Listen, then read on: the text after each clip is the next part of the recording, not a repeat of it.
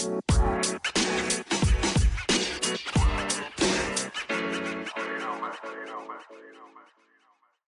Misterik Podcast'ten herkese merhabalar. Ben Musa Bölükbaşı.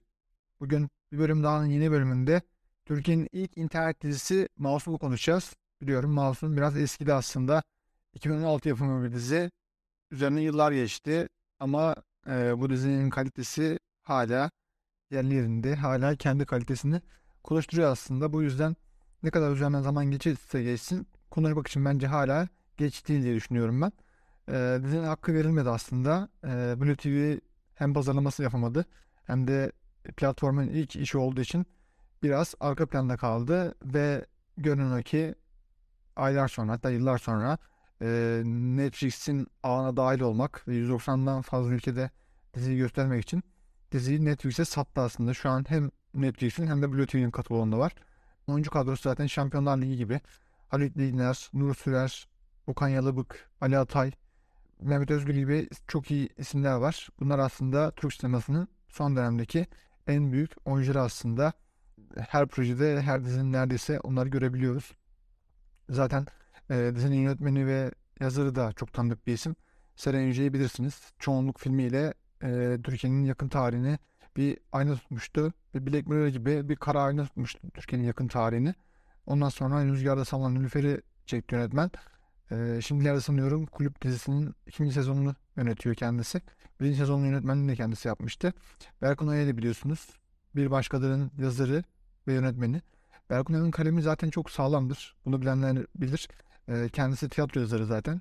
Masum da Bayrak adlı tiyatro oyunundan uyarlama aslında. E, buradaki başarıyı da biraz kendi gösteriyor.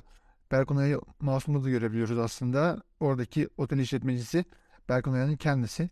Burada da değişik bir cameo yapmış yazar kendisine. Normal yönetmenlerin kendisini göstermesine cameo denir ama buna da ucundan kıyısından belki de cameo diyebiliriz. Berkunyan'ın işleri bir başkadır da de çok sevildi aslında. Masum ilginçtir.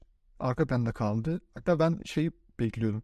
Bir başkadır ve Cici izleyenler bu adam daha önce ne yapmış gibisinden bakıp Masum da izlerler sanıyordum ama Masum hala konuşulmuyor. Çok da izleyen yok. İzleyenler de o kadar sevmemişler. İlginçtir. Yani e, herkes bir True Dedektif aşığı. True Dedektif'i ben de çok seviyorum. Yani oradaki damardan beslenen, ona benzer bir janr yaratan diziyi nasıl sevmediler? İlginç, şaşırtıcı bir durum.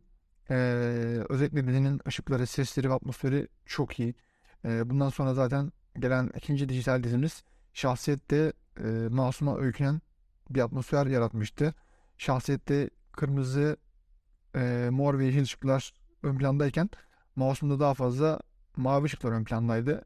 Ha, Bluetooth'un de Bluetooth'undan belki de böyle bir şey geldi. Çok saçma bir yorum bu arada. Ama belki de niye olmasın %1 ihtimal bile olsa atmosferinde mavi ışıkların baskın olduğunu söyleyebiliriz. Seslerin de çok iyi olduğunu söyleyebiliriz. E, oyunculukların zaten Şampiyon Ligi olduğunu söyledim. Oyunculuklar ciddi anlamda e, çarpıcı durumda. Özellikle Ali Atay ve e, Haluk Beyler çok iyi oynuyorlar.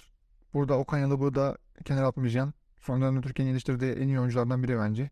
Rüştü'nü Muhteşem Yüzyıl'da ispatlamıştı zaten. Çok iyi bir oyuncu. Kendisiyle bir gün röportaj yapmak, tanışmak isterim açıkçası. Belki de Film Bilgisi Podcast'te kendisini konuk ederiz. Bilmiyorum şimdilik. Ee, her şeyden bahsettik. Dizinin konusundan bahsetmedik. Dizinin konusu ailesinde türlü sorunlar yaşayan bir polis amiri. Eskiden hocası olan emekli bir polisin bir cinayeti sakladığı şüphesiyle hocasını ziyarete gidiyor ve bundan sonra hocasının ve ailesinin cinayeti sakladığı şüphesiyle onları soruşturmaya başlıyor ki aile kısa süre sonra e, polis amirinin onları ziyarete değil de bu cinayet şüphesini e, araştırmak için geldiğini öğreniyorlar. Bundan sonra tabii ki işler biraz daha sayfa sarıyor. Çünkü e, dizi yeni bir paralel bir hikaye açıyor aslında. Okan Yalabık'ın canlandırdığı karakter türlü hastalıkları var. Yani şizofreni belirtisi var. Şizofreni belirtisi olduğu için bir belli başlı hatalar yapıyor. Bu hatalarda ortalığı daha da karıştırıyor. Bu karışmanın da neticesinde e, Okan Yalabık'ın abisi olan Serkan Keskin. Bakın Serkan Keskin de var dizide.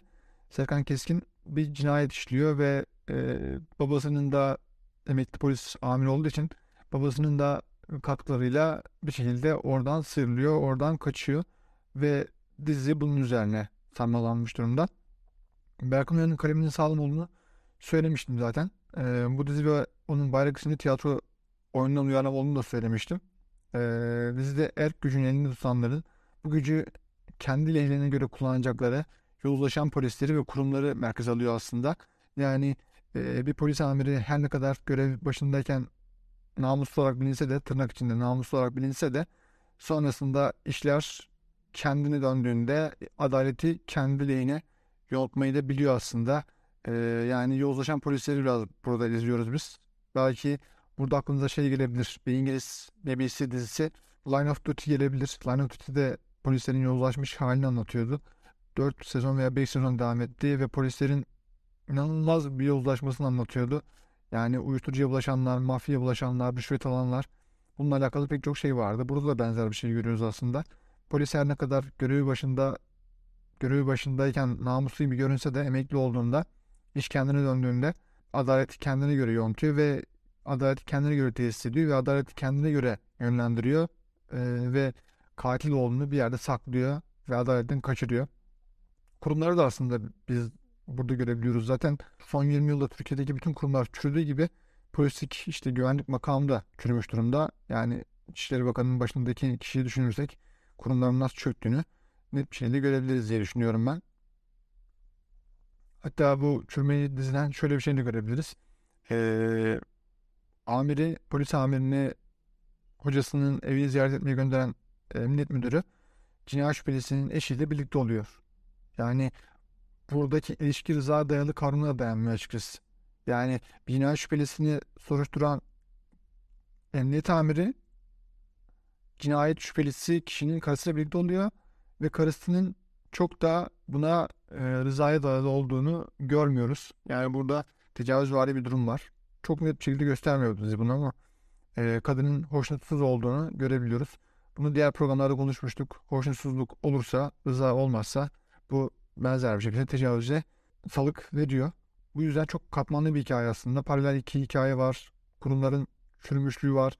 Polislerin yozlaşması var. Dizinin hikaye düzlemi çok iyi çalışırken karakterler ve yan hikayeler de çok iyi çizilmiş durumda. Biz sadece buradaki ana kastan bahsetmiyoruz. Yandaki e, Okan Yalıbık, Havuç Bediner, Nur Sürer veya Ali Atay, Se, e, Serkan Keskin, Bartu Küçük Çağlayan, bak o da var. Bartu Küçük Çağlayan bile var bu dizide. Bütün son dönemdeki popüler olmuş. Popüler de belki yanlış olabilir. Daha böyle kalbur üstü oyuncuların olduğu bir dizi Mouse'un. Zaten dizinin PR'ını da bu şekilde yapmışlardı. Ama yeterince yapamadılar. Ee, dediğim gibi burada ana karakterler çok iyi çizildiği gibi yan karakterler de çok, çok iyi çizilmiş. Düzlem çok iyi işliyor. Hikaye çok iyi işliyor. Dinamik çok iyi ilerliyor.